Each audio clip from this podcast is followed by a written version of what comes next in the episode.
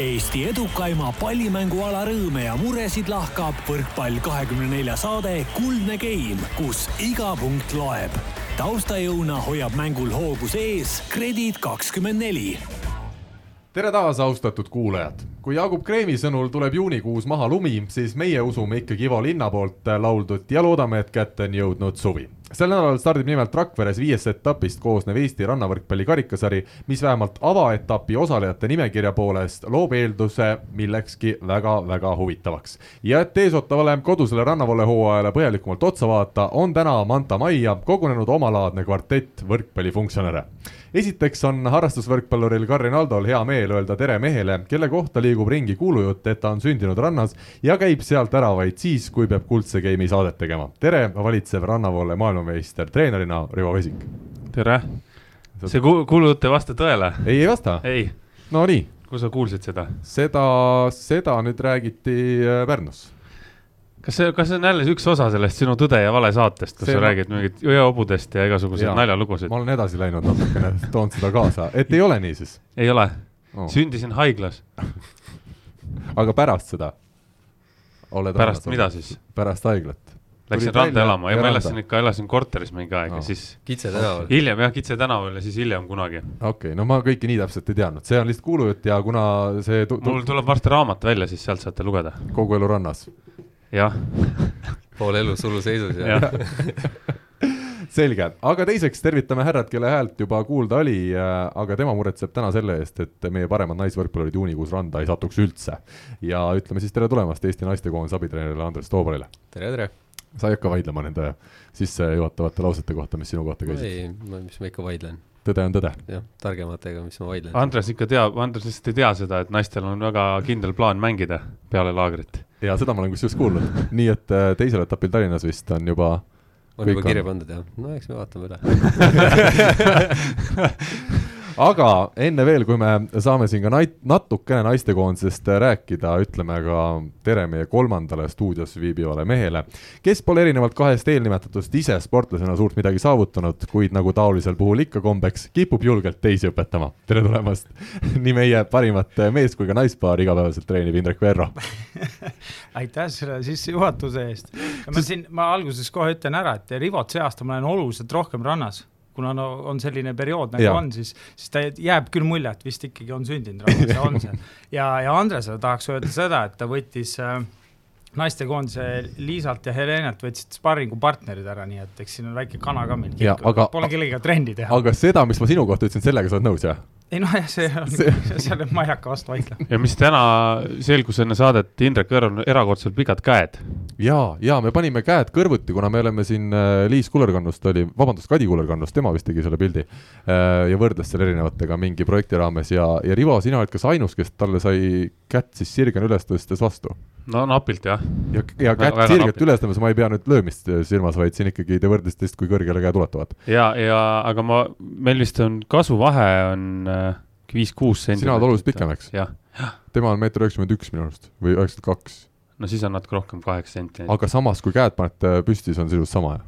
sisuliselt sama jah, ma arvan, see paar-kolm sentimeetrit oli vahe mm. -hmm. aga Kadil väga hea sirutus, ma vaatasin siis, kui ta seal nagu pildi pealt oli näha. aga vaata, mäletad, sa oled ise rääkinud, et sul Pärnus ikkagi lapsepõlves teid pandi rippuma sinna?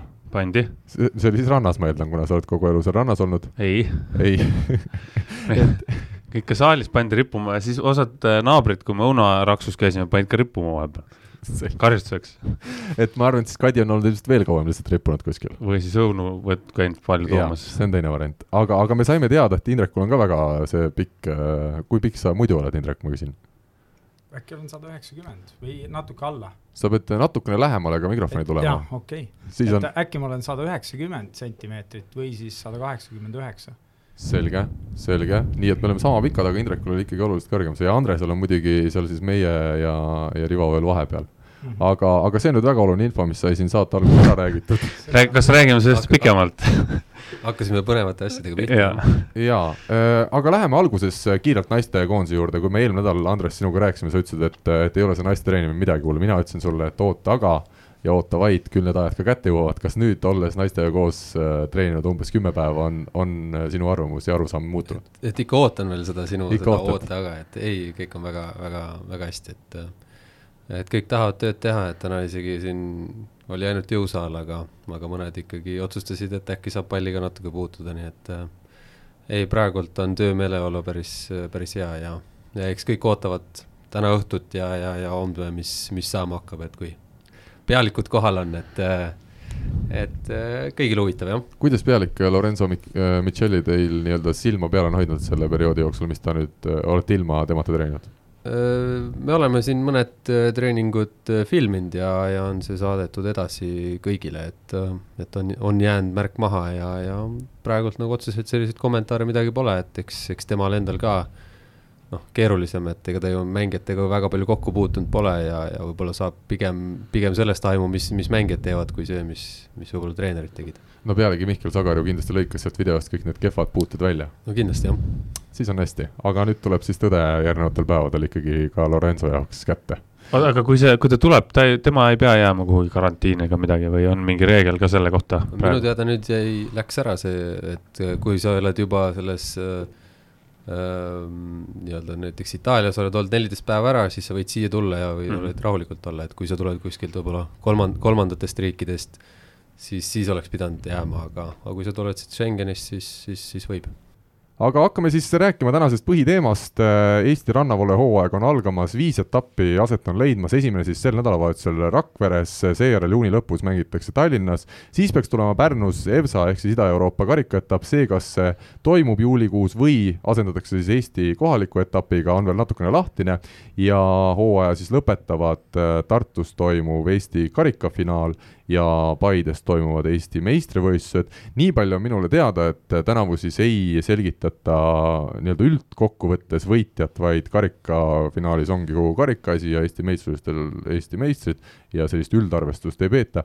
Rivo, ma küsin kõigepealt sinu käest, kuna sa oled kõige kauem seda rannavõrkpalli ka Eestis mänginud, kas tänavune hooaeg, see, mis seisu pealt me lähme vastu, arvestades seda formaati ja, ja kõike muud, on see sinule rahuldust pakkuv?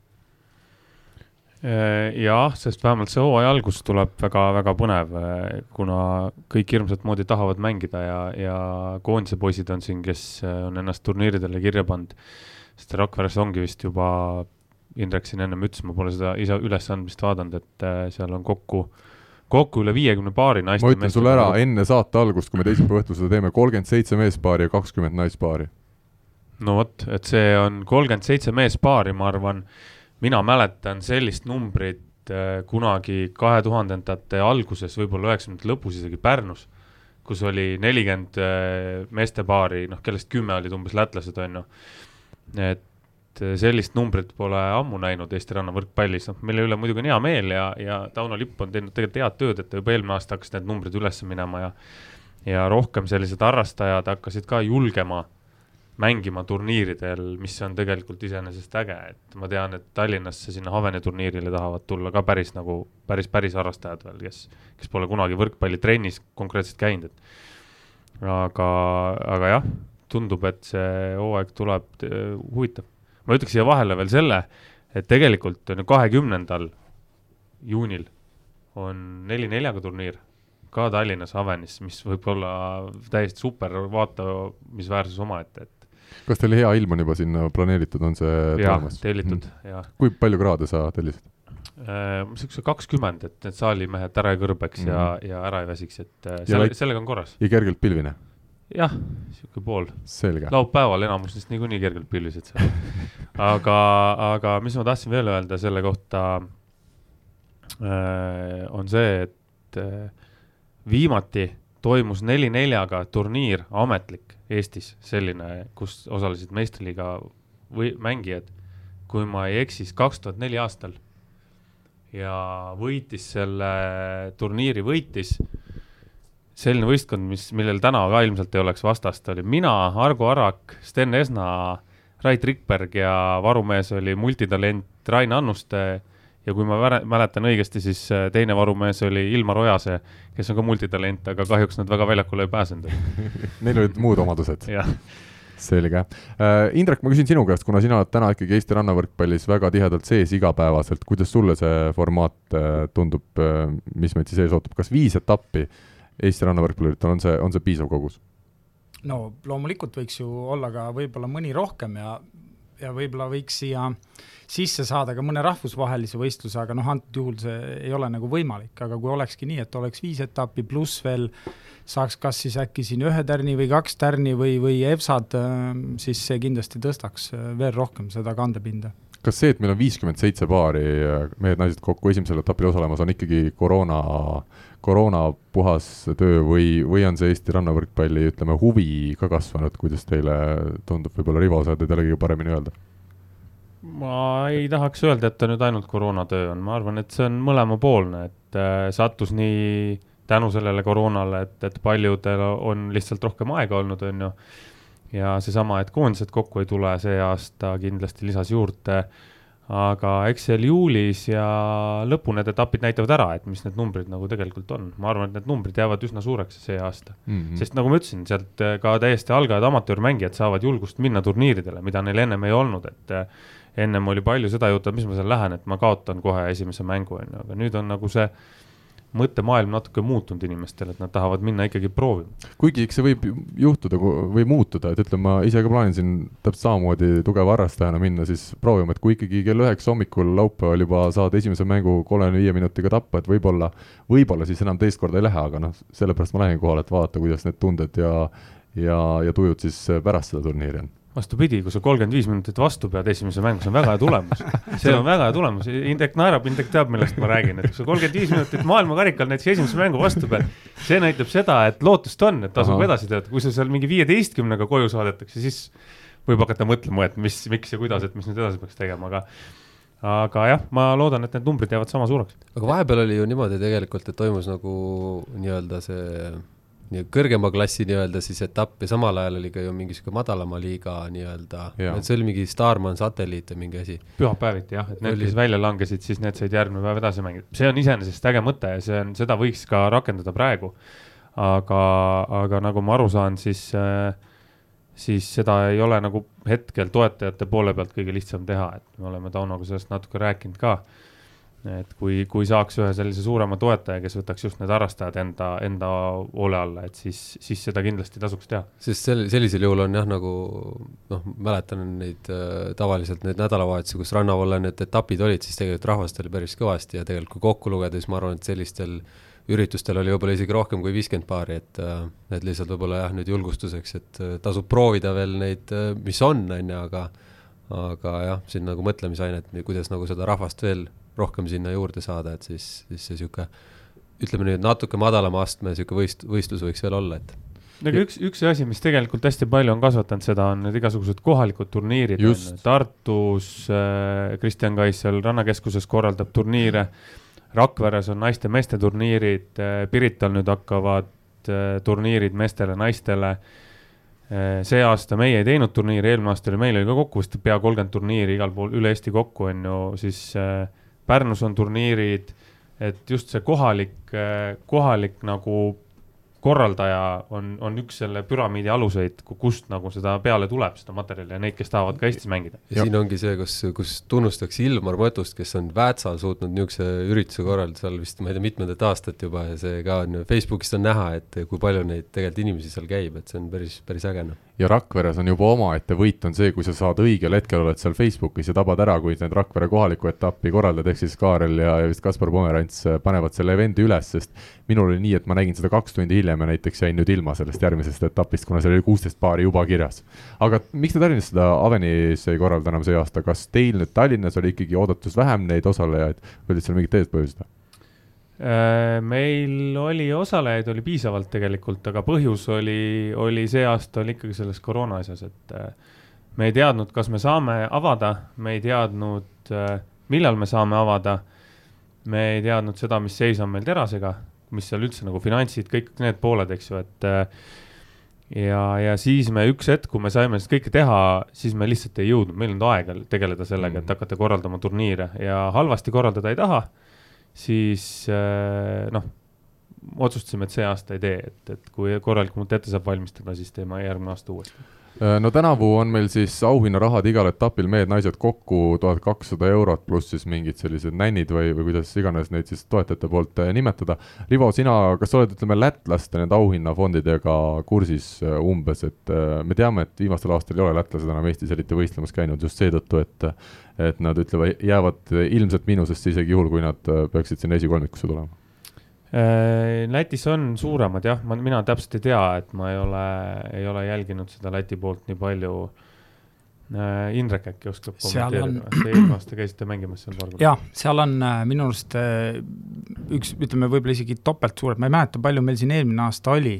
kas esimene koht sai meil kakssada eurot, siis oli isegi rohkem, seal oli isegi rohkem ja kusjuures seal on üks turniir kas see oli äkki seal Saulgrastis ja seal olid ju esimene koht, kas sai kaheksa tuhat või seitse tuhat, noh, ja seal mängisid ju kõik Läti mm. kõige kõvemad paarid ja see oli, see oli meeletult suur üritus, seal olid lavad, seal oli meeletult palju rahvast ja noh, see oli täitsa niisugune nagu MK teema seal mm et äh, jah, seal on teistmoodi see asi natukene. aga üks suur oht, kui me just räägime niisugusest väga suurest ühest turniirist, mis idee poolest ju võiks Eestis ka olla, me Pärnust mäletame, noh, mina olin siis veel väga väike, aga, aga isegi mul on need mälupildid olemas, et Pärnus olid turniirid, kus rahvast ikkagi ei loetud mitte kümnetes, vaid pigem sadades ja, ja ehk isegi mingil hetkel võis seal olla mitu tuhat inimest äh, jälgimas neid tähtsaid mänge.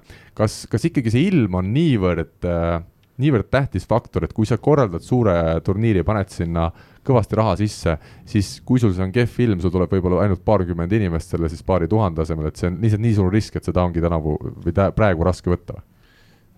Tauno ja Eesti Võrkpalli Föderatsioon on läinud selles suhtes õiget teed, et nad üritavad ikkagi tuua selle turniiri võimalikult inimese juurde.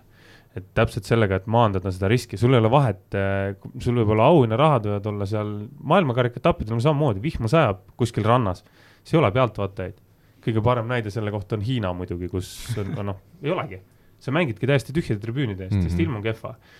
ja hästi palju on äh, noh, mingitel hetkedel maailmakarika etappe hakatud ka tegema nii, et see peaväljak pannakse kesklinna mm, -hmm. sama nagu on Tartus.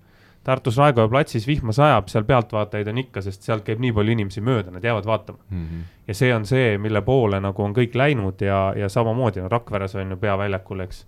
Viljandis oli linna keskel väljak Äh, noh, Pärnus on rannas, Havenis on, Havenis on rannas. kus Paides on? Paides on keskväljakul kesk, keskväljakul. Neil on vist ära jaotatud ja, seal, üks on seal järve ääres ja, ja, ja et see peaväljaku teema on äh, selline, mida me isegi oleme korra mõelnud, et kui teha Avenis näiteks järgmine, üle-eelmine, järgmine aasta turniir, et siis peaväljak panna üldse kuskil kesklinna. aga seal on vist see transpordi küsimus ka ikkagi päris tõsine sees, et, et kui sa korraldad ja just mängijale, üks mäng on sul ühes kohas, teine teises kohas, või see, või see nii palju ei kattu, et sul on, ütleme, finaalpäev on juba täielikult seal kesklinnas, siis sel juhul jalagrupid on jaotatud ära, kes mängivad. ajakava tehakse selle jaoks mm -hmm. ja, ja see ei, ei ole tänapäeval nii keeruline, et sa saad ilusti ära jagada, et teil on siin, kaks mängu on siin, üks on seal, eks ju, siis teil saab päev läbi niikuinii ja nii edasi, nii edasi, et, et selle saab rahulikult ära jagada, et äh, see ei, see ei tohiks olla suur probleem. minu arust see üks, üks point just, sa ennem tõid välja vaata selle, et maakohtades on hakanud nagu, hakatud rohkem mängima, noh, linn suurt keskustest väljas et äh, kui seda nagu suurt kandepinda nagu noh, nagu laiendada kogu aeg, kus on nagu harrastajaskonda, mis on minu arust eelmist suve vaadates, kus käis nagu mingi selline klõps, kus sa nagu avastasid, et et aga see tõsiselt nagu laieneb, et ilmselt järgmine suvi tuleb midagi veel teistsugust ja see on nagu täpselt niimoodi läinud. ja siis, kui hakata sinna mingi hetk nagu juurde panema mingit suurturniiri, siis äh, noh, neid inimesi, kellel võib-olla see huvi on, siis on ka kindlasti neid, kes on nõus täiesti vabalt tulema niisuguse võib-olla mitte kõige ilusama ilmaga seda vaatama, et et aga kui seda nagu kandepinda ei ole, noh, siis, siis, siis neid inimesi kohe kindlasti ei tule.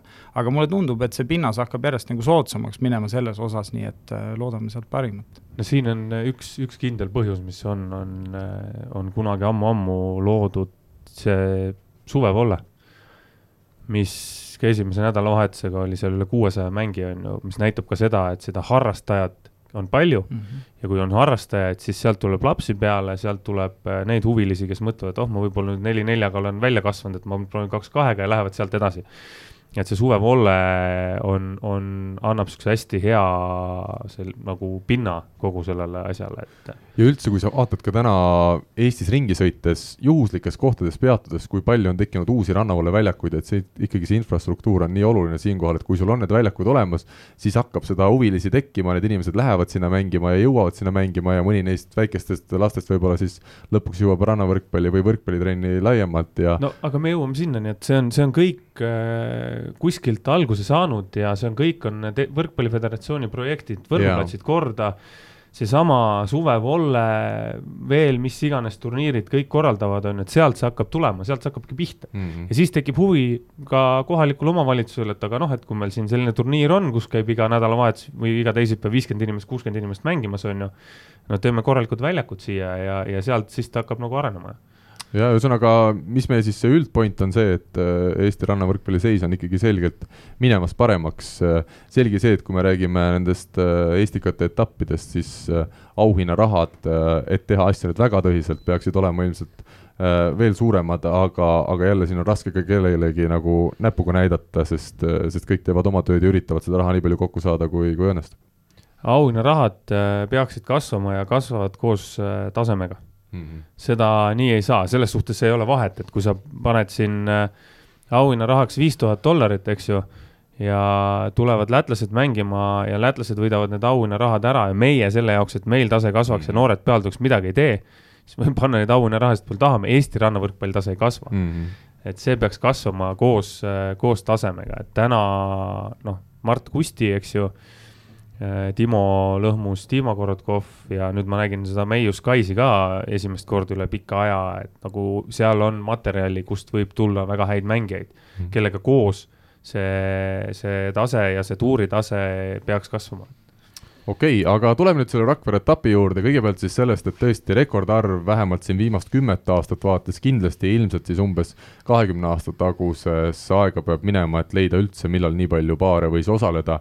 Äh, ühel Estikate etapil, aga, aga laupäeva varahommikul hakkavad kvalifikatsiooniga pihta siin täna õhtu, ehk siis teisipäeva õhtuni, mil me seda saadet lindistame, on veel võimalik äh, paare kirja panna ja, ja homme ehk siis kolmapäeval, kui see saade ka eetrisse läheb, on, on juba täpne number teada, igatahes väga varakult hakatakse mängudega pihta ja, ja finaalpäevast siis ka Postimehes juba kõik poolfinaalid naistel-meestel on äh, ees ootamas, nii et tuleb kahtlemata huvitav äh, turniir. Ja miks tuleb huvitav, hakkame siis jõudma ka nimede juurde. räägime esmalt naistest äh, ja tuleme, Indrek, sinu juurde. Liisa Soomets ja Helene Hollas on nüüd tänavusest aastast või ütleme siis eelmisest sügisest juba teinud korralikult rannavõrkpallitrenni nii sinu kui ka Karl-Jaani käe all siis Nõos. Ütle, millises seisus nemad täna on, kas, kui me räägime Estikate etapist, siis ikkagi on nemad ainsad pretendendid esikohale? vot ei ole teisi paare näinud, ei tea. ma võin sulle kohe öelda, aga aga, aga seis on niisugune, et äh, me õpime hästi palju uut äh,, seda, millega nad ilmselt ennem ei ole nagu üldse tegelenud ja, ja segadust trennides on väga palju, on siin olnud hetki ka, kus äh, juba mõeldakse, et äkki enam ei tee, mitte et nad lõpetaks ära, vaid et võib-olla teeks vanamoodi edasi või, või täpsemalt, ma täpselt, nagu umbes niimoodi ja siis seda segadust on tekkinud ja aga, aga noh, see, kuidas äh, mina olen neid trenne nagu üles ehitanud, see on äh, tiba teistmoodi ja, ja ilmselgelt see tekitab alguses väga palju segadust, sest see nõuab väga süvitsi minemist ja arusaamist ja nii et äh, milline see hakkab nagu palliplatsil välja nägema, mina ei oska öelda, sellepärast et mängimiseni me veel nagu põhimõtteliselt ei olegi jõudnud Karl äh, Tartus muidugi äh, on jõudnud, äh, noh, nad on üks, ühe osa seal, eks, nii et seal nad saavad mängida, me proovime siin ikkagi tükeldada kogu seda tehnikat ja, ja kogu seda pealehakkamist natukene detailsemaks, et nii et minu jaoks saab olema üllatus see Rakvere etapp samamoodi. Nii et teil on, ütleme, natuke pikem projekt selles suhtes, et sa veel ei oota, et nad kahe tuhande kahekümnenda aasta juunikuus näitaksid väga-väga erilist võrkpalli? ei, ei kindlasti mitte, mina äh, noh, see nüüd oleneb neist, et äh, eks me oleme proovinud nagu luua sellist ühist arusaama kõigepealt, et, äh, et noh, mis see periood võiks olla, noh loomulikult kõik tahavad kohe saada, aga, aga noh, minu nägemus on ikkagi umbes kaks-kolm aastat. Ja nüüd on küsimus selles, et kas nad on nõus nagu seda nagu kogu aeg pidevalt jätkama ja kogu aeg seda pidevalt tegema. kui nad on, siis äh, vaatame kahe-kolme aasta pärast. Rivo, kui kaugel on täna Helene ja Liisa, ütleme, MK-sarjas siis regulaarselt äh, headele kohtadele mängimisest, ma pean silmas siin, ütleme, kuueteist hulka jõudmist näiteks? ma ei saa kommenteerida, ma pole näinud neid mängimas ega trenni tegemas väga, et ainult paar korda ja selle pealt ma ei oska nagu midagi öelda, et äh, nagu Indrek ütles, et et need trennid, mis ma näinud olen seal, noh, selle pealt nagu ei saa midagi täna öelda, et ja, ja õige jutt on see ka, et kui oleks üks treener selline, kes kohe suudaks kõik mängima panna, et siis ilmselt, ilmselt teisi treenereid maailmas ei oleks vaja, et siis võetakse ainult teda, aga aga kõikide nende projektide äh, kõik nende projektide noh, miinimumaeg on ikkagi, mina isegi ütleks kolm, kolm-neli aastat, et kui keegi hakkab kahe aastaga hästi mängima, siis ta peab olema no ülitalendikas ja, ja ülihea selles suhtes nii füüsiliselt kui ka vaimselt kui ka tehniliselt, et. Ma tegin, jah. aga siin varem ongi lihtsalt olnud see, et mul viimast trennist tuli huvitav asi jälle välja, siin iga trenn muidugi koorub midagi, aga, aga ongi see, et, et noh, esitan, teeme mingisuguse harjutuse, ma esitan küsimusi, et noh, et, et kuidas, miks sa nagu seda täpselt siin seisad või seal oled.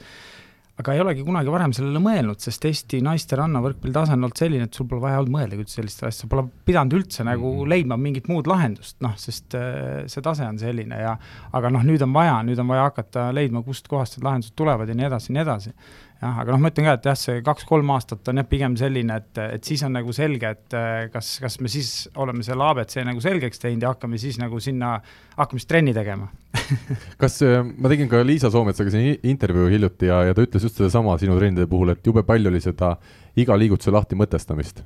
et see on, see on see, millele tuleb ikkagi keskenduda, et see, see mäng on ka väga palju peas kinni no keskenduda tuleb sellele, mis vajab keskendumist, no selles mõttes, et kui seal on segadus, siis noh, see segadust, segadus ei aita sind kaasa ju asjade lahendamisele, et äh, sinna tuleb selgust luua peab olema mingisugune arusaam, kõigepealt arusaam ja siis see, kuidas see arusaam panna tegutsemisse.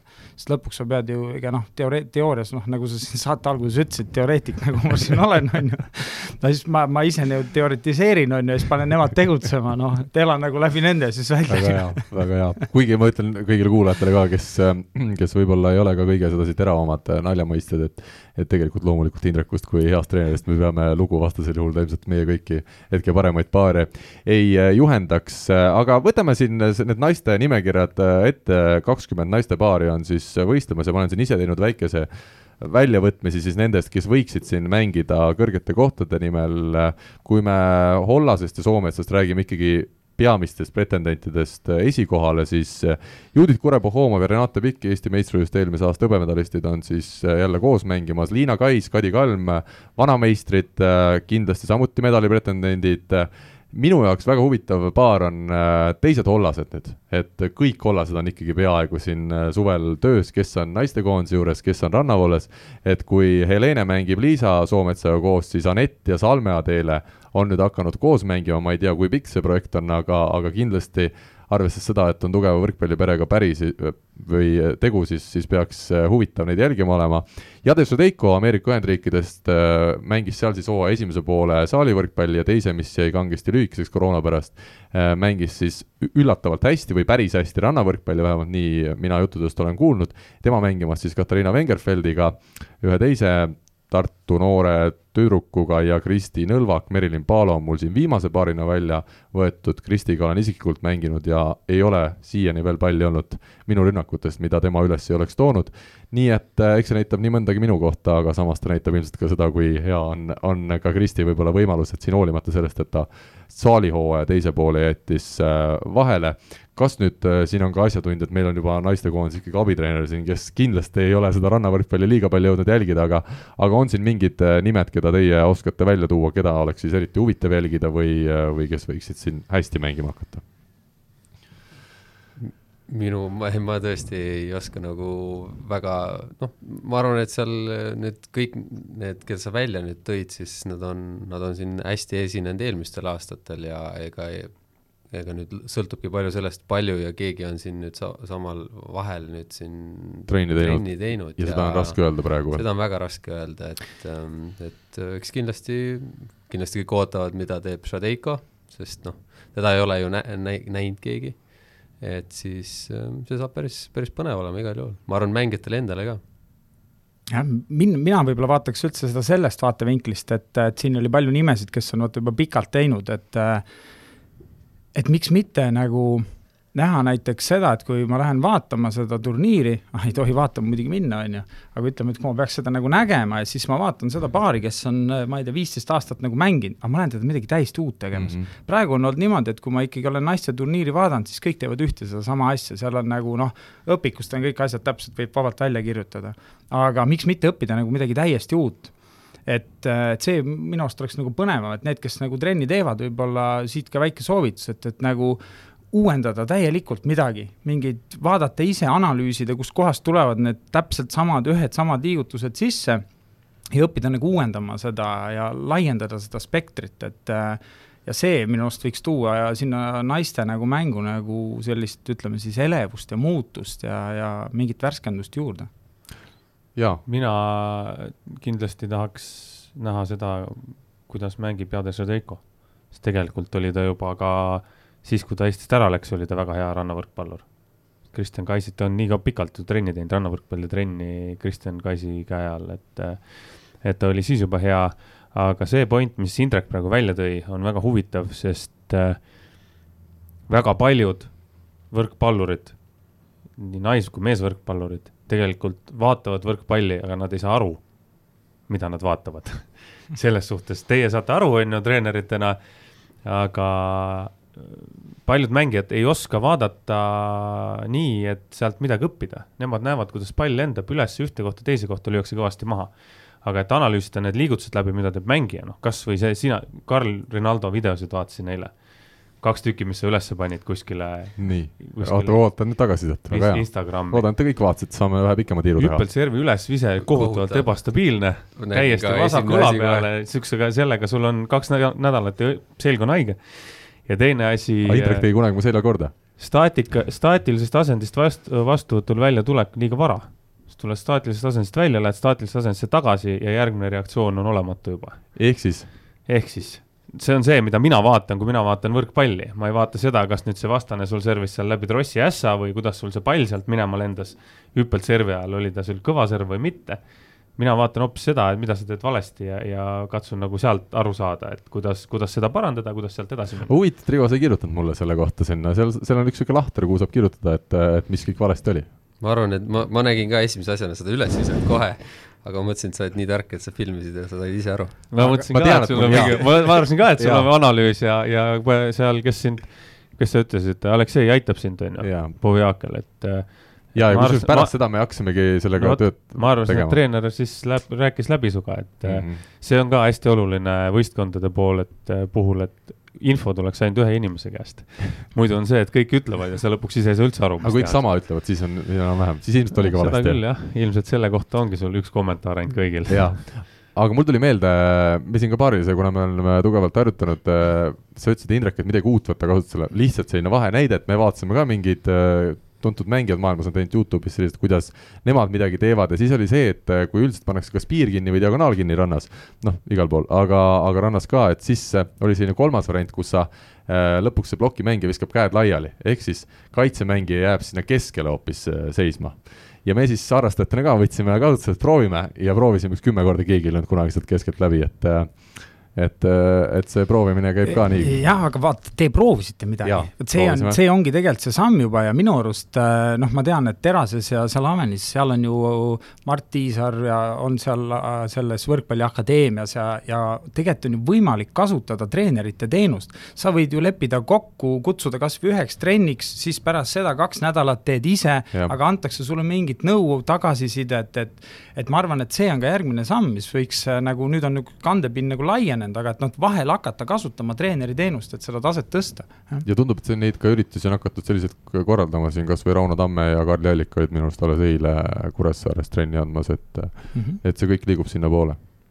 aga nagu ikka, on, on meil meestest natukene rohkem rääkida, sest lihtsalt niivõrd palju huvitavaid nimesid on kaasa löömas. jälle, et kuulajad ka natukene saaksid aimu nendest osalejatest, ma loen siin ette sellised tuntumad nimed, kes siis koos hakkavad äh, mängima. Märt Tammearu, Siim Tammearu vennad mängivad koos, Urmas Piik ja Sander Steinberg eelmisel hooajal väga hea rannahooaja teinud äh, mehed taas platsis, Timo Lõhmus, Dmitri Korotkov, kindlasti nendest räägime pikemalt, meie uued noored, kes siis keskenduvad täielikult rannavõrkpallile nüüd. Kaspar Pomerants, Rauno Tamme, kindlasti konkurentsivõimelised, Markus Keel, Harri Palmar, toredad mehed, loodetavasti ka õnnestub hästi mängida. Mihkel Tänil, Aleksei Povjakel, nüüd siis uus äh, paar pärast seda, kui Maksim Petrov Eesti meistriks tulnuna otsustas karjääri äh, lõpetada, trenni teeb küll edasi, aga, aga nüüd siis jah, mängib Povjakel äh, koos Danilaga, kes omakorda eelmisel hooajal siis mängis Korotkoviga. Kaarel Kais, Rein Tiisar, alati huvitav paar Eesti rannavale maastikul, noored Rasmus Meius, Kaur-Erik Kais, kindlasti ühed sellised, kellel tasub silma peal hoida. Ja Siim Ennemuist, Kaarel Pomerants on mul siin välja toodud ja lõpetuseks Kusti Nõlvak, Mart Tiisar, siis suhteliselt viimase hetke otsusega, ma saan aru, ikkagi Kusti see selg on täna selline, et nad üritavad mängida, Indrek. Jah, hetkel, hetkel on, aga see otsus võib ka veel muutuda, kuna siin ei, ei ole mõtet nagu mingeid riske võtta, kui kusagilt tuleb mingisugune info sisse, et, et tal on ikkagi seljaga midagi seal kas või natukene, siis, siis seda ei toimu kindlasti mm. -hmm. ma tean, et Mart Tiisar isegi siin mõtles, et võib-olla Robert Tähega minna, kui Kusti osaleda ei saa, aga aga sai ka Robertiga siin räägitud ja ta ütles, et, et jah, et äh, kuna ikkagi nüüd äh, tundub, et Kusti läheb, et siis temal pole sellest midagi, et, et mängib ilmselt võib-olla siis Havenis seda teist etappi kellegagi kaasa ja unustasin vist öelda, Kristo Kollo ja, ja Karl Jaani löövad ka kaasa, nii et, nii et neid huvitavaid paare on palju. Rivo, esimene küsimus sulle, palju nimesid, kes sinu jaoks siit kõige huvitavamad on, kelle mänge sa võib-olla enim ootad? kas, kas ongi need uued paarid, on need noored, on need Kusti ja Mart, just arvestades seda, et nad pole ammu saanud korralikult trenni teha? Tead, ma ütlen sulle päris ausalt, et Kusti on tegelikult hetkel väga heas vormis yeah. uskumatult heas vormis isegi selle kohta, et ta pole nagu väga pikalt äh, trenni teinud, et paar korda, kui ma, kui me siin trenni koos tegime, siis äh, siis mina olen üliharva näinud, et Kusti suudab esiteks nii kõrgelt ja nii tugevalt lüüa palli. aga, aga praegu tundub, et Kusti on okeis vormis ja loodame, et tal see selg peab vastu. noh, huvitavamad paarid siit võib-olla tahaks, see Märt Tammeru, Siim Tammeru võivad olla sellised, keda tahaks näha, et mida nad siis suudavad teha ja, ja kui palju nad siin liigutanud ennast on. Big Steinberg, ma arvan, et nad on salaja kuskil trenni teinud ja on ennast vormi ajanud vaikselt. Steinberg minu teada, ta on rohkem mängumees kui, kui trennimees, et selles mõttes Big võib-olla peab trenni tegema, et või on rohkem trenni, trennisõber, Urmase nägu tahaks praegu näha. Ei, mitte seda, Urmasele meeldib trenni teha. Ma lihtsalt mõtlen seda. Ja noored siis, Meius Kais on ka sellised, kes, keda ma paar korda olen näinud trennis. Mart aitab neid nüüd siis treenida ja, ja, ja vaatame, et mis, mis nad seal teha suudavad aga noh, sellest, sellest pundist, kes need lätlased olid, kes tulevad, oskad sa öelda? Birsins, Borsins.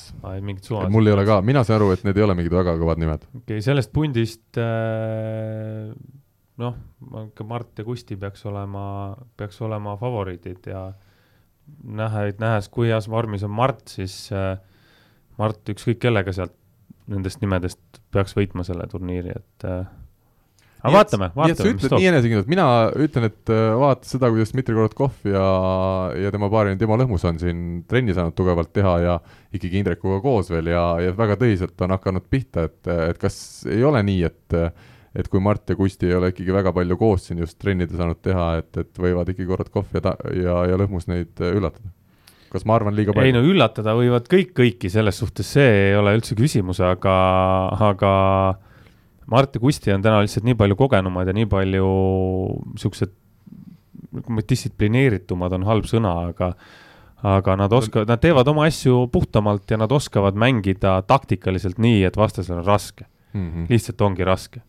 ja ka alustades juba servist ja lõpetades oma plokikaitse taktikaga, nad suudavad mängida, sest sama, kui ma nendega siin koos trenni tegin, siis ma enam-vähem täpselt, ma ei hakka seda ütlema praegu siin, aga ma üsna nagu sain aru, kuidas nad hakkaksid Korotkovi ja, ja Lõhmuse vastu mängima mm. -hmm.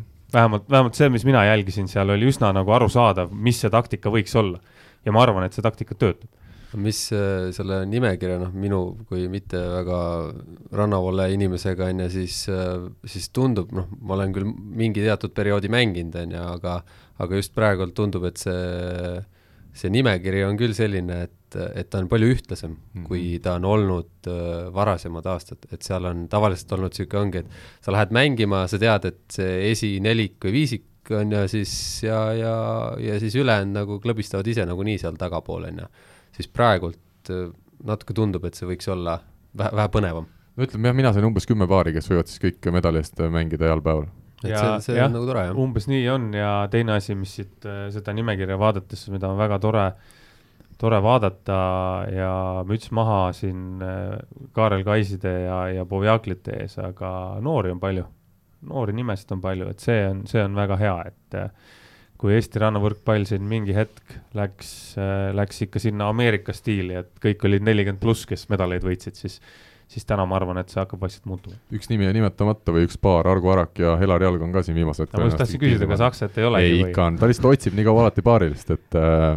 Ivo Järvala, kus on äh, tean, et on ka mängimas äh, Jarmo Neuhaus, Raigo Pärs, kes loodavad ka põhiturniirile saada. aga kas nimekirjas Rauno Tammet ei ole? oli. oli? ma arvan, et Ailikuga mängib. Kaspar Pomerantsiga mängib. aa, tema oli, ahah, okei okay. mm. -hmm aga, aga jah, ja kas Karl Allik oli vist ka, ühesõnaga, ühesõnaga väga palju väga tuntud nimesid Eesti võrkpallisõppedele on kaasa löömas. ma nüüd küsin, äh, Indrek, sinu käest äh, just Lõhmus ja Korotkovi kohta, mis, mis arenguetapis nüüd nemad on, kui sa Liisast ja Helenest meile juba rääkisid, et nemad on täpselt samamoodi algaja faasis rannavõrkpalluritena? no Dima on ju meiega nüüd teist aastat, esimene aasta oli tal niisugune sissejuhatus, et, et sellistesse tegemistesse, kuidas me nagu Mardi Kustiga asja teeme ja, ja see siis äh, päädis kohati sellega, et asi jooksis ikka kokku seal Hiinas võistlustel ja ja, ja see aasta nüüd, kui ta oli seal Belgias, siis äh, me juba tegelikult sellel ajal hakkasime tegelema teatud asjadega distantsilt. ja ta sai oma nagu ülesanded ja, ja ta ise nagu otsis neid, et kuidas teatud asjadest nagu lahti saada ja nii edasi ja, ja mõista seda asja rohkem. nii et nüüd, äh, nüüd on ta nagu selles punktis, kus kohas tal on võimalus nagu astuda järgmine samm aga noh, et järgmist sammu astudes peab olema esimene tehtud, seal ei ole mitte midagi teha, noh, sa isegi tegelikult äh, ei pruugi üldse näha seda teist sammu. ja, ja temalt äh, võib näha just seda, et ta nüüd see suvi astub nagu, nagu selle sammu edasi ja seal see vaadates, kuidas ta nagu trenni teeb, millele ta keskendub äh,, kuidas ta nagu on hakanud asja nagu tegelikult nagu hoopis teistmoodi nägema võrreldes eelmise aastaga, noh, see on täiesti teistmoodi yeah.. siis äh,, siis ma loodan, et ta teeb suure sammu edasi ja paranda mind, kui ma eksin, kas eelmisel aastal oli nii, et kui Korotkov mängis Danilaga koos, siis Danila käis plokis ja nüüd, kui mängib äh, Korotkov koos Lõhmusega, siis käib Korotkov plokis? Nad käivad vist mõlemad plokis. mõlemad käivad plokis, kahest plokki teete? kahest plokki ja, ja vahel kahekesti kaitses väga hea. aga kui nüüd tõsiselt rääkida, siis, siis kui palju just äh, Korotkov peab oma mängu muutma seoses sellega, et tema paarina on vähemalt pealevaatus üsna erinevate oskustega võrreldes sellega, mis eelmisel aastal Danilal olid? Oma mängu muutma, eks sa, jah, no vot, siin tuleb sellest võib-olla täpsemalt aru saada, et sa pead nagu kohanema situatsiooniga, eks, aga kohanemine ei tähenda ju ainult seda, et kui sul on nüüd see paariline, siis ma pean sellepärast kohanema, et tema on teistsugune. kohanemisvõime või selle õppimise, õppimine, see, see nõuab kogu aeg, sest kui sa lähed võistlustele, see rannavõrkpall on minu arust niivõrd mitmekülgne mäng, et kõik see publik, tuul, päike, vihm, seal on nii palju erinevaid faktoreid, aga see kõik nõuab kohanemist. see oskus ja see võime on üks ja seesama noh, lihtsalt äh, üks on inimese puhul, teine on siis võib-olla ilmastiku puhul, aga aga see on ka see, mida me teeme, mida me õpime, et ta õpiks võimalikult kiiresti kohanema. ja kohanemise alla käib ju ka see, et kui sa mängid ühte situatsiooni ja sealt hüppad järgmisse koha, siis see nõuab ju ka kohanemist, kohe hakata mhm. tegutsema teises situatsioonis kas ütleme, Rivo, sina jälle, olles ise nii mänginud kui treen-, treeninud väga kõrgel tasemel, kas see psühholoogiline pool just arvestades seda, mida Indrek ütles, et lisaks su enda probleemidele, mis su mängus võivad olla, või sellele, mis vastasest tingituna su mängu kohtumise jooksul tekivad, on need kõik ilmastikuolud ja muud asjad, et see psühholoogiline pool, hoida ennast mängu juures ja, ja koos, et see on võib-olla jälle üks põhjus, miks need nelikümmend pluss mehed ka maailmatasemel on, on tihti väga kõrgel jah, noh, see mingid, mingil ajal olidki kõik põhimõtteliselt maailma tipprannavõrkpallurid olid kolmkümmend peale, kõik. tänapäeval on ta muutunud, et nüüd on noored tulnud ka, sest lihtsalt äh, mäng on läinud äh, mõnes, mõnes mõttes nagu natuke füüsilisemaks. aga jah, sest on, on võistkondi, kes noh, brasiillased osad brasiillased olid sellised, kui nad nägid, et oli tuuline ilm, siis nad ei mänginud, nad ei suutnud mängida lihtsalt. Sest nad ei osanud. Mm.. selle kohta tahtsingi küsida, et kas on nagu mingid, keegi teinud mingit huvitavat statistikat ka, et kui on olnud kehvad ilmastikutingimused, et kas siis on võitnud pigem mingid äh, vanemad paarid või, või, või näiteks hea ilmaga nagu nooremad, et kus on vaja võib-olla rohkem füüsilist? See on hea küsimus, ma arvan, seda statistikat mina ei tea, et oleks tehtud, aga ma arvan, et äh, kogemustega mängijad võidavad, noh, Eestis oli legendaarne paar Tatrik Männilaan, kes nagu tuli väljas, oli üle pluss kümne meetri sekundis tuult, siis nemad võitsid lihtsalt, sest nad oskasid ja, ja tahtsid ja need meel-, neile lihtsalt meeldis. see oli nagu nende ilm, nad olid lühikest kasvu, nad ei olnud füüsiliselt kõige tugevamad, aga nad olid osavad. Nad suutsidki seal keerutada seda palli nii ja naa, sinnapoole, teisele poole ja see oli konkreetselt kõik, kogu Eesti tuur teadis, et noh, nüüd on, läheb raskeks nende meestega, muidu sai nendega sihuke rahulikult hakkama, aga, aga nii kui oli tuuline, siis äh, no praktiliselt võimatu. Hmm.. ma küsin nüüd, Rivo, sinult äh, otsekohese küsimuse, kas äh, lõhmus mängijana on Korotkovil, Korotkovile parem ja tugevam paariline, kui oli Tanile äh,? seda me näeme, ma arvan, siin mingi paari aasta pärast, kui nad koos mängivad, et potentsiaali lõhmusel on? potentsiaali on kõvasti, jah. töö tegemistahet ka? seda nägime eelmine aasta, töö tegemise tahete kohta saab Indrek rohkem kommenteerida, aga trennis tundub küll, et on. nii? jah, äh, ma arvan, üks, üks vahe on siin veel see ka, vaata, et äh, Tanila tegi otsuse nagu suvel mängida jah, ja minna saali, aga Timo on ikkagi praegu teinud otsuse, et ta jääbki tegema. ja, ja noh, see, see ilmselt kajastub ka tegelikult kogu selles tahtmises ja kogu selles, kuidas ja miks sa nagu asju teed, et äh, noh, Timol on tahtmist kõvasti mm.. see on pigem noorte poistega on alati see, et tuleb natuke nagu tagasi hoida teatud kohtadest. aga võtame selle teise noortepaari siis, äh, Meius äh, ja Kais. me räägime siin siis Kristjan Kaisi nooremast vennast, äh, kuidas, kuidas tundub, Rivo, esmalt sulle, kas sa oled nüüd neid jõudnud jälgida, vaadata ja, ja mis mulje sulle on nendest jäänud? esmamulje on iseenesest hea, mõlemad on niisugused lahtise peaga ja, ja Kaisi poiss on füüsiliselt ka üsna tugev. Meius, noh, natuke tahab veel seal järge aitamist füüsilise poole pealt ka. aga üks asi, mis mulle esimese asjana silma on see, et eh, noh, vabandust selle eest, kes nendega eelmine aasta tööd tegi, ma ei tea, kes tegi, Asko Esna äkki oli neil treener või? minu arust on täielik bardakk väljakul praegu, vabandust väljenduse eest. liigutused on head, aga mängust arusaamine võib-olla selles vanuses ei peagi olema veel selline, aga seal on täielik segadus hetkel väljaku peal ja noh, Mart hakkas, esimese trenni tegime koos nendega, siis Mart hakkas vaikselt, hakkab otsast arutama seda asja ja, ja katsub siis mingiks hetkeks saada, saada nagu noh, asjad nagu vähe, vähe, vähe selliseks stabiilsemaks. aga proovi tavainimesele selgeks teha natukene, mida sa mõtled selle bardaki all, mida nad siis väljakul teevad valesti või, või kus neil on need suured puudujäägid? Esimene asi on mingid tehnilised elemendid, teine asi on, noh näiteks kõige lihtsam asi, mida öelda, äh, öelda tavainimesele on, äh, sul tuleb vastuvõtt, äh, siis baarimees hakkab sul tõstma ja siis sina niinimetatud tellid tõstet, kus sa seda tõstet tahad, eks ju. ja siis nendel oli mingisugune koht, kus nad ütlesid lihtsalt keskel. kuidas sina aru saad sellest, mis tähendab keskel tõste? kus see pall olema peaks? On, oleneb, kus see vastuvõtt oli ju. nii, no ütleme, kui ta vastuvõtt on äh, noh, nendel see keskel tõste oligi, no see on väga hea näide, et nendel see mhm. keskel tõste oligi nagu, kas see vastuvõtt oli siis natuke rohkem seal nelja peal või natuke rohkem kuue poole, siis nemad tahtsid sealt keskele tõstet, aga kus see keskele tõste sealt minema peaks? kas see on siis äkki lähedalt, äh, selle tõstjale siis suhteliselt lähedalt on keskel või, et muidu mõtleb, et nurgast siis on pikem tõste või? vot jah, umbes selline mõte oli nende peas ka aga kui sa nüüd võtad selle lahti, on ju, juppideks, siis tegelikult see keskeltõste minu jaoks tähendab seda, et see võrk, pall peaks olema keset võrku mm., võrgu keskel.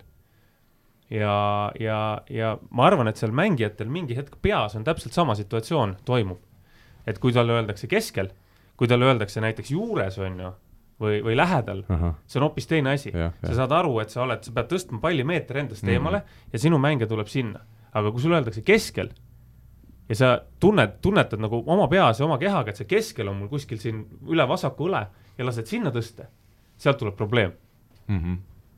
ja siis see oligi, nemad, nemad sellest äh, algul ei saanudki aru, algul nagu vaatasid äh, Marti ka suurte silmadega, et aga me oleme kogu aeg nii mänginud. ja need on need hetked, kus on tegelikult, kui teda vaadata, noh, siin saates läheb jube pikalt, et seda segadust on hästi palju mm -hmm., hästi-hästi palju okei okay aga, aga kokkuvõttes ikkagi lõpetame selle, nende, neid puudutava teema positiivse noodiga, et siin vähemalt on seda toorikut, millest hakata midagi välja voolima. absoluutselt ja, ja kutidel on tahe olemas ja silmad säravad ja, ja kuulavad, proovivad teha, proovivad aru saada ja, ja nii on. üks, üks huvitav, korda, üks huvitav asi veel Mart vist esimest korda nüüd proovis siis selliste mängijatega, kes on ka mängijad, on ju, trenni teha. Ja esimeses trennis ma peale trenni Mardiga ütlesin ka, et äh, Mart läks, mul oli endal täpselt samamoodi. ma, Indrek räägib oma kogemustest võib-olla ja Andres oma kogemustest, aga minul esimene trenn oli umbes nii, et ma üritasin kohe parandada kõiki asju korraga treenerina, lähed kohe peale sinna, nii, sul on siit see, see on valesti, see on valesti, oota, teeme nüüd seda. ja siis vaatad seda mängijat, need noortel mängijatel oli ka mingi hetk nagu silmad läksid nii suureks, neil tuli nii palju infot korraga peale. Aga see on tahes-tahtmata, see on täpselt sama nagu treeneri kogemus ka, et sa suudad ennast pidurdada, siis ma Martinile ütlesin, soovitasin talle peale trenni ka, et kuule, et võta, pane enda peas paika, et sa tahad see trenn proovida siit, siit, siit mhm. liikuda edasi, mitte nii, et me võtame kõik, siis Mart ütles, et jah, et ta ise ka sai aru vahepeal, et ta enam seda ei mäleta, mis ta trenni algul rääkis ja, ja siis, ja siis tuli, tulistas nagu ainult infot peale, et Indrek, on see tuttav tunne? ja, ja loomulikult, loomulikult, et see, see arusaam, noh, see oli vist esimene trenn ka. ja täpselt esimene, esimene jah. et üldse aru saada, et noh, pole kunagi sellistega tegelenud ja et, et mis on nende arusaamisvõime, et kui palju nad suudavad vastu võtta, noh, eks see pikapeale loksub, aga, aga noh, ma kohe hakkasin naerma, mul tuleb kohe, et kõik asjad tulevad meelde, sütt yeah. minevikust täpselt sama asi, noh. ja Andres, sul ka? ei, loomulikult, ega siin on iga trenn on praegu siinsama naistekoondisega see Selveri hooaeg täpselt samamoodi, et eh, sa ei saa neile panda, kui sa näed, et tehniliselt ta teeb ühe liigutusega võib-olla kolm elementi valesti, siis sa ei saa parandada kõike kolme korraga, et et tuleb hakata nagu niisugust lihtsamatest ja, ja nii-öelda, nii-öelda põhilisematest baasasjadest pihta ja, ja, ja vaikselt edasi, aga aga see tahtmine, et aga ma näen ju seda viga ja ma pean välja ütlema, et kui ma ei ütle, et siis mul tekib see tunne, et nüüd ma õpetangi teda valesti tegema, et äh, aga see tuleb nagu jah, alla suruda natukene ja, ja samm-sammult näha seda tulevikuvisiooni, mitte see, et ma parandan ta ühe korraga ära, et see, sellest tavaliselt ei tule midagi välja. väga naljakas oli, minul endal trennis oli nii naljakas moment see, kui ma vaatasin, täpselt sama nagu Indrek ütles, mul tuli oma, oma esimesed nagu trennid kohe tulid meelde, täpselt samamoodi aga kuidas siis on, aga kui sul tulevadki need, aga, aga sa, sa siis jätad lihtsalt ütlemata mingid asjad selged, mis on äh, halvasti ja et sa keskendudki ainult mingitele, võtad siis esimesed korrad kõige-kõige tähtsamad asjad ja hakkad nii minema või? eks sa jätad meelde mingid asjad, mis, mis paned omale mm., talletad pähe ja, ja teedki noh, mingisuguse oma peas mingi, nagu Andres ütles hästi, mingisuguse nagu tulevikunägemuse, et kuhu me siis peaksime jõudma tema nende elementidega. jah, et ütleme, esimene asi, et ma ei tea, et on vaja paika saada, mis jalad teevad ja siis, kui jalad hakkavad juba õigesti tegema, siis katsume saada keha paika, kui keha on paigas, siis katsume saada käed paika, et ja lõpuks peab pea ka tööle hakkama. jah, et kui sa praegu ütled, et astu samm siia, pane, ma ei tea, õlad siia ja, ja tee randmetega nii, siis üldjuhul noh, sellest ei tule asja, et kõigepealt jah, nagu ühed asjad paika. et ega see viga ära kuhugi ei kao, et kui sa nagu trennis näed, jätad mainimata, tuleb järgmine kord tagasi mm, -hmm. nii või naa, noh mm -hmm kas nüüd vanameistrid ikkagi Kaarel Kais ja, ja võtame Argo Arak, kes on tõesti seal juba vaata et viiskümmend mõne aasta pärast, kas, kas praeguses konkurentsis, neil on muidugi natuke nooremad äh, kaaslased, kas nad on ikkagi medalile mängimas, Rivo, siin esimesel etapil? ma arvan, et nad lähevad kindlasti medalile mängima, et nad vähema, vähemaga ei ole nõus. kas nad nüüd sinna jõuavad? noh, ma loodan, et jõuavad staatus juba ei luba väiksemaid eesmärke võtta, et ma loodan, et jõuavad. minu arust see Tartu etapp eelmine aasta oli väga äge, kus Arak ja Kais mängisid äh, siis äh, juhuse tahtel, keegi oli seal pulma läinud, äh, mängisid koos ja mängisid maru ägedalt koos. aga nad mängivadki hästi, selles suhtes nad on eluaeg hästi mänginud, nad on koos pikalt mänginud, nad teavad, kuidas üks, mis teeb üks, mis teeb teine, et et see, me oleme rääkinud ka sellest, et siin on äh,, loeb füüsis, noh kui nad jaksavad, siis nad mängivad hästi, kui nad ei jaksa, siis, siis ei mängi, et siin ei olegi midagi öelda. ja noh, nendel on ka see, et kui Akse puhul ka, ma arvan, et on selline mängija, kui on kehvem ilm, siis ta on, siis, siis ta on kindlasti väga valus vastane. Aga, aga kui ikkagi tulla selle juurde, kes eelmisel aastal Eesti meistriks tuli, siis räägime Povjakist ka paar sõna, kuna nüüd äh, Petrov lõpetas mängimise ära ja Povjakel on uuepaarilise Danilaga, siis kuidas see duo teile tundub, äh, Rivo jälle ma esiteks pöördun sinu poole, et äh, kui palju sa üldse Povjaki ja Petrovi siin eelmisel aastal mängimas nägid, ei ole nad ju ütleme enam nii tõsiselt, nad viimastel aastatel enam päris ei teinud seda sporti, nagu siin veel, veel mõned ajad tagasi, kui nad isegi MK-sarjas üritasid äh, läbi lüüa. kuidas Aleksei põlved on? nii palju, kui mina temaga koos trenni olen teinud, siis on okei okay,, aga, aga mina ütlen olles nüüd saanud võimaluse harrastajana päris palju Tanila ja Bogalki treenida, et, et see, kuidas Aleksei endaga vaeva näeb, ta on alati esimesena trennis, teeb väga kõvasti sooja ja kuidas ta läheb alati viimasena ära. me veel räägime pikalt juttu, mina saan ka oma asjad venitatud ja ta jääb, ikka sinna tegema oma venitlusharjutusi. tal, tal on äh, minu arust siin viimased neli-viis aastat on põlvedega päris kõvad probleemid olnud, et eks see on jälle see asi, et äh, ta peab tegema seda, kui ta seda ei teeks, siis ta ei mängiks mm. -hmm. kui ta tahab mängida, siis sa pead tegema seda ja selle töö ära tegema, siis saad mängida, noh äh,. ma arvan, et nad on sellised üllatusvõimeline paar, Aleksei on hea kaitsemängija äh,. Mihkel tahab natukene õpetamist ja ma arvan, et Aleksei on see õige mees tal seal selja taga, kes õpetab mm. -hmm ja, ja Alekseil jah, see, kuidas ta ka trenni tahab teha, et tal on ikkagi nii palju aastaid mänginud, aga ta, tal ikkagi, ta teab, et kui ta tahab hästi mängida turniiridel, ta peab ka tegema harjutusi, mitte ainult mängima ega nautima seda protsessi, vaid tegema ka mingeid asju, et mul on olnud endal jah, suur nagu au ja, ja võimalus näha, et, et kui et ma saan, hakkan tagantjärele aru saama, miks Aleksei nii kaugele on jõudnud, et ilmselt eelduste poolest ei ole maailma õige talendikam võrkpallur olnud, aga, aga kahel korral nüüd siis Eesti meistriks tuli. kas me siin mõne paari oskame veel välja tuua. Rivo, kui sa võtad selle nimekirja ette, on seal midagi huvitavat, Markus Keel äh,, näit-, näha Eesti saalikoondislast näiteks äh, mängimas rannas või, või on siin iga paari juures midagi sellist huvitavat? minu meelest on Palmariga ennem ka mänginud. jaa, on mm.. Äh, ma päris ausalt ütlen, ausa, ausa kommentaari, et ma ei, ma ei oska nende meeste kohta mitte midagi öelda, ma ei tea, palju nad trenni teevad, kas nad teevad, kas nad tulevad mängima seal oma lõbuks, kas nad tahavad tõsiselt mängida, ei taha tõsiselt mängida et eh, mina võtsin siit välja enda jaoks sellised paarid, kes, kes teeb, kes teevad tõsist asja mm. -hmm. teised, eh, noh, palju nad teevad, on, on omaette küsimus, et. Jah, Piik Steinberg muidugi siin vist Andres ütles, et, et palju see Sander trenni teeb, mina olen aru saanud muide, et ta on ikkagi ka hakanud väga kõvasti trenni tegema. Jaa, nad tegid eelmine aasta ja. ka, isegi mina sattusin sinna ja teevad, teevad ikka regulaarselt teevad trenni mm.. mina, mis äh, Sander Steinberg, kes kaks korda nädalas Terases käis liiva peal palli mängimas eelmine aasta?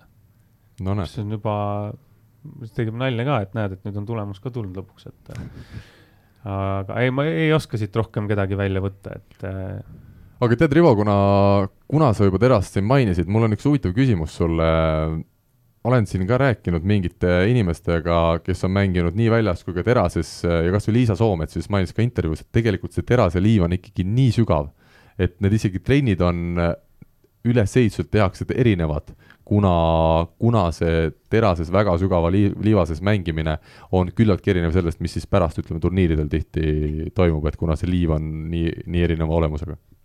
Vastab see tõele, oled sa sellega nõus või?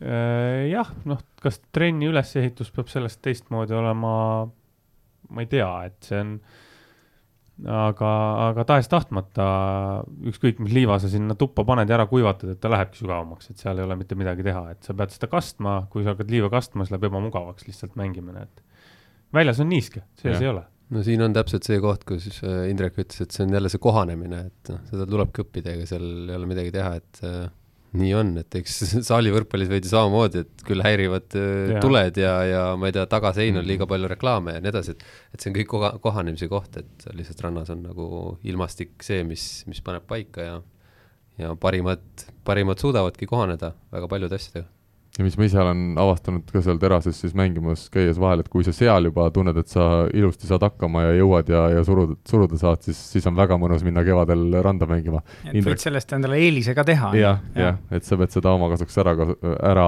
ära siis kasutama. kas me julgeme teha väikese ennustuse ka, Rivo, ma tahaks sinu esikolmikut äh, kuulda, ma arvan, et see tooks natukese saate lõppu sellist äh, ärevust ja, ja, ja põnevust sisse ja Rivo praegu ma ütlen kuulajatele, jälgib seda nimekirja. Tiisaar. siin on Kollo ja, ja Jaani on puudu siin ja Jalg ja Arak on sellest minu siis välja valitud seltskonnast puudu. Tiisaar. nii äh,. Lõhmus Korotkov. ja vot see kolmas on nüüd eriti huvitav minu jaoks. ma ütlekski Kollo Jaani siin. Äh, ja vennad on ka muide. vennad on ka ja. jah, aga ma pigem ütleks Kollo Jaani kolmandaks ja ja võib-olla siin Tammearu, Tammearu äkki või, või siis Piik Steinberg. väga hea. ma noort, noorte poistega Meiuse Kaisi kohta hetkel ma pigem nagu kardan nende sellist psühholoogilist valmisolekut seal suurte onudega mängida, et aga kui nüüd võttagi praegult just see nimekirjaga, et äh, ütleme, paari aasta tagune nimekiri oleks olnud, siis vist ei oleks olnud väga probleemi öelda mingi esimene kolm ära ja, ja siis praegult olid ikkagi hädas, et jääb kuusu. esimene, teine on selline, mida võib enam-vähem nagu ennustada mm., on ju. aga ülejäänud on jah, mõttekoht no, mis aga, ongi väga äge. aga ütleme, Indrek, kas sina oled nõus esiteks sellega, mis ütles esimese, teise koha kohta siin Rivo, ma tean, sa oled ju treener, sul on keeruline öelda. jah, ei, ma jätangi ütlemata, sest et see annab võimaluse neil nagu minu arvamusest eh, nende arengu kohta aru saada ja seda, mitte aru saada, vaid noh, ma seda ei soovi. aga siin Andres... oleneb muidugi sellest ka, et kuidas tabel jookseb, noh, nad võivad omavahel kokku minna ja Just. siis üks lööb tugev, lööb tugeva välja ja ongi kõik. Aga see Kollo Jaani, see on minu arust väga huvitav paar ja, ja, ja minu arust Kollo on viimaste aastatega nagu muutunud, noh, nii mängijana ta on saanud küpsemaks ja, ja mind näiteks väga huvitab, et äkki on nüüd rannavõrkpallis ka teinud sammu edasi ja seda oleks väga huvitav näha Karlil muidugi oli siin õlaprobleem, et ei tea, kuidas tal selle õlaga on, aga, aga tal on nii hea platsi nägemine, ta paneb vasakule kogu aeg. ta, ta on, Karl on tegelikult vasakukäelne ah no vot Karl on tennist ju mängib vist. mängib vasaku käega ja, ja ka vasakukäelne, jah. aga ei, ma lihtsalt loodan, ma ei hakka ennustama midagi, ma loodan, et minu sõber Rauno Tamme saab poodiumile taas, et ega ma muud ei tahagi no kui siin mul ülejäänud on suva ülejäänud suva. aga, aga huvitav on tõesti see, et see on, tegelikult ongi, kui sa vaatad kõiki neid nimesid, siis pole kohanud siukseid nimesid ammu siin Eesti mm -hmm, rannavõrkpallis, et kõik mm -hmm. on koos, nii et see saab väga, väga nagu põnev võistlus olema ja jälgida seda, et. Äh, Postimehes on ülekanne tuleb, eks ju, poolfinaalidest. ja, ja mitte ainult poolfinaalidest, vaid ka medalimängudest. ka medalimängudest ka äh, jah, ma, ma tahaks midagi ikkagi öelda asja põnevuse huvides. Äh, kas ma... Rinaldo nii Stepanov. esimene koht, Rinaldo Stepanov. jaa, see on esimene koht, kes välja langeb veel laupäeva hommikul kahekümne viie minutiga, ma saan aru, kolmkümmend viis oli liiga palju pakutud, jah. aga, aga Rivo, võib-olla siin harrastussportlasele midagi, selline esimene ikkagi suur turniir, Eesti esimene karikaetapp meeste seas, minu üldse rannavõlle karjäär on nüüd teist aastat käimas, eelmine aasta oli kaks turniiri. pilti ma võin, pilti ma teeks, jah, kindlasti plakati taustal eelkõige. aga mis on sinu selline nüüd siis õpetussõna, kuidas minna sellele turniirile peale? eeldusel, et esimeses ringis ikkagi kvalifikatsioonis on juba vähemalt meie jaoks üsna kõval tasemel vastane ära mõtle väga palju. see mul pole üldse niikuinii kavas eriti. ärge mõelge väga palju ja ärge, ärge ajage asja väga keeruliseks, et äh, usaldage seda, mida te siiamaani olete õppinud, et ega te, ega te paremini mängida ei oska, kui te oskate, et see on, see on kõikidega nii, et äh, kui inimene hakkab üle mõtlema, siis ta võibki ennast täiesti kinni mõelda, nii et ei tule midagi välja, et äh, ärge vigade peale väga seal tähelepanu pöörake, neid tuleb niikuinii sisse pigem katsuge aru saada, miks nad tulid ja, ja siis, kui õnnestub üks mäng võita, siis järgmises mängus võib-olla nagu natuke paremini teha, aga, aga mulle juba meeldib, sa mainid seda järgmist mängu, et see on juba selline nagu kompliment minu jaoks, et, tore, et sa nii mõtled vähemalt. hetkel see võimalus sul on ju. praegu on veel võimalus finaali välja jõuda, me peame vaatama, kuidas see tabel meile tuleb. enne turniiri on kõik võrdsed. aga siia lõppu ma tahaks veel, ma ütlen ära, et mina siis pakun, et äh, treeningkaaslased Tanila ja Povjakil, kuna ma lihtsalt hoian neile kõvasti pöialt äh,, sest ütlesin, nende kaugele jõudmine tähendab ka seda, et äh, meie tase oleks justkui natuke kõrgem, et kui nad esimeses kvalifikatsiooniringis näiteks välja langeksid, kui nad vist pääsevad otse põhiturniirile, siis ilmselt ei ole ka meie oma paarilisega väga head, aga lõppu siis täna teisipäeval, mil me seda saadet lindistame, tuli uudis, et äh, Nõo karikasarja etapil loositi välja parimad. seal mingil hetkel oli turniir pooleli ja kuna äikesetorm tuli ja loositi võitjad, kas Rivo, sinul oma karjäärist on ka mingi selline näide tuua, kus lihtsalt äh, loost tõi õnne kätte? jaa, ei, endal ei ole, aga, aga me oleme teinud sellist asja ise kunagi Pärnus äh, ka mingi turniiri ajal samamoodi, et ilm läks, ilm läks nii käest ära ja siis loositi mingi Pärnu maakonna meistrivõistlus. aga mis see põhjus on, ma mõtlen, et kas see loosides, see ju ei selgita parimat välja, kas seal oli siis vaja mingeid auhindu välja anda või miks ei, seda no, tehti? lihtsalt ju turniiril on ikka, turniiril on ikka ju auhindu vaja, vaja välja anda, noh selles suhtes turniir lõpetati ilusasti ära ja, ja keegi ei solvunud, et ta jäi nüüd viimaseks ja, ja kõik auhinnad jagati välja, et ma ütlen ausalt, see on ainus võimalus, kuidas mina võiks ka Rakveres medalile jõuda, et kui tõesti peaks äikesetorm juba laupäeva varahommikul tekkima ja ei saagi kahel päeval mängida. aga vihmatantsu õppima siis vaja. Käis äh,, Pärnus ju jäi finaal ka ükskord ära niimoodi, et ilma ei olnud, siis jagati esimene-teine koht laiali ja oli kõik. Aga mina tänan teid äh, väga meeldiva vestluse eest, ma usun, et, äh, et, et seda Eestis, seda rannavõrkpalli natukene ka rohkem pildile tuua, tuleb sellest üha rohkem rääkida ja, ja neid nimesid ka tavaspordisõpradele tuttavaks teha. aitäh, Indrek, aitäh, Andres, aitäh, Rivo, täname kuulajaid ja veel saate lõppu teeme vahelduseks ära kohe küsimusmängu küsimusmängu toetaja on teamshield.com oma disainiga spordi ja vaba aja riided ja küsimusmängus siis eelmisel nädalal oli üks väga omapärane küsimus, kuna Kertu Laak meil käis stuudios ja Kertu mängis nii eelmisel hooajal kui ka mängib järgmisel hooajal Itaalia kõrgliigas, siis sõitis ta Itaalias ringi ka ühe Itaalia autoga ja küsisimegi seda automarki ja Kertu enda vihje oli see, et see on siis Fiatist kehvem variant. Ja teadsid õiget vastust täpselt kuus inimest, et see automark on äh, Lancia, on nii, tuleb vist öelda. ja, ja Indrek, kuna sina oled meil täna ikkagi külalise rollis, siis ole hea, ütle ühest kuueni üks number, et me saaksime välja anda ühe särgi. kuus. kuus, Martin Seetur, palju õnne sinule, võrkpalli kahekümne nelja legendide erilahendusega särk äh, läheb teele, võtame ühendust, äh, aga sel nädalal on meil siis kaks erinevat küsimust. esimene küsimus on väga selline lihtne leidmiseks, millal viimati oli Manta Maja stuudios kohapeal võrkpalli kahekümne nelja podcasti Kuldne Game lindistamas neli inimest. ja lisaküsimus, paneme teisegi särgi, kuna ükskord jäi meil siin särk välja loosimata, õigeid vastajaid lihtsalt ei leidunud. paneme siis teise särgi samuti seekord loosi ja palume ennustada, kes võidavad naistest Rakvere etapi ja kes võidavad meestest Rakvere etapi. ja nii nagu ikka, info et võrkpalli kakskümmend neli punkt ee ja võrkpalli kahekümne nelja, nelja Facebookile sõnumid on need kohad, kuhu neid vastuseid saab saata. meie aga veel kord täname kõiki kuulajaid ja soovime ilusat nädala jätku. Eesti kõige põnevamad podcastid on Delfis, kuula tasku.delfi.ee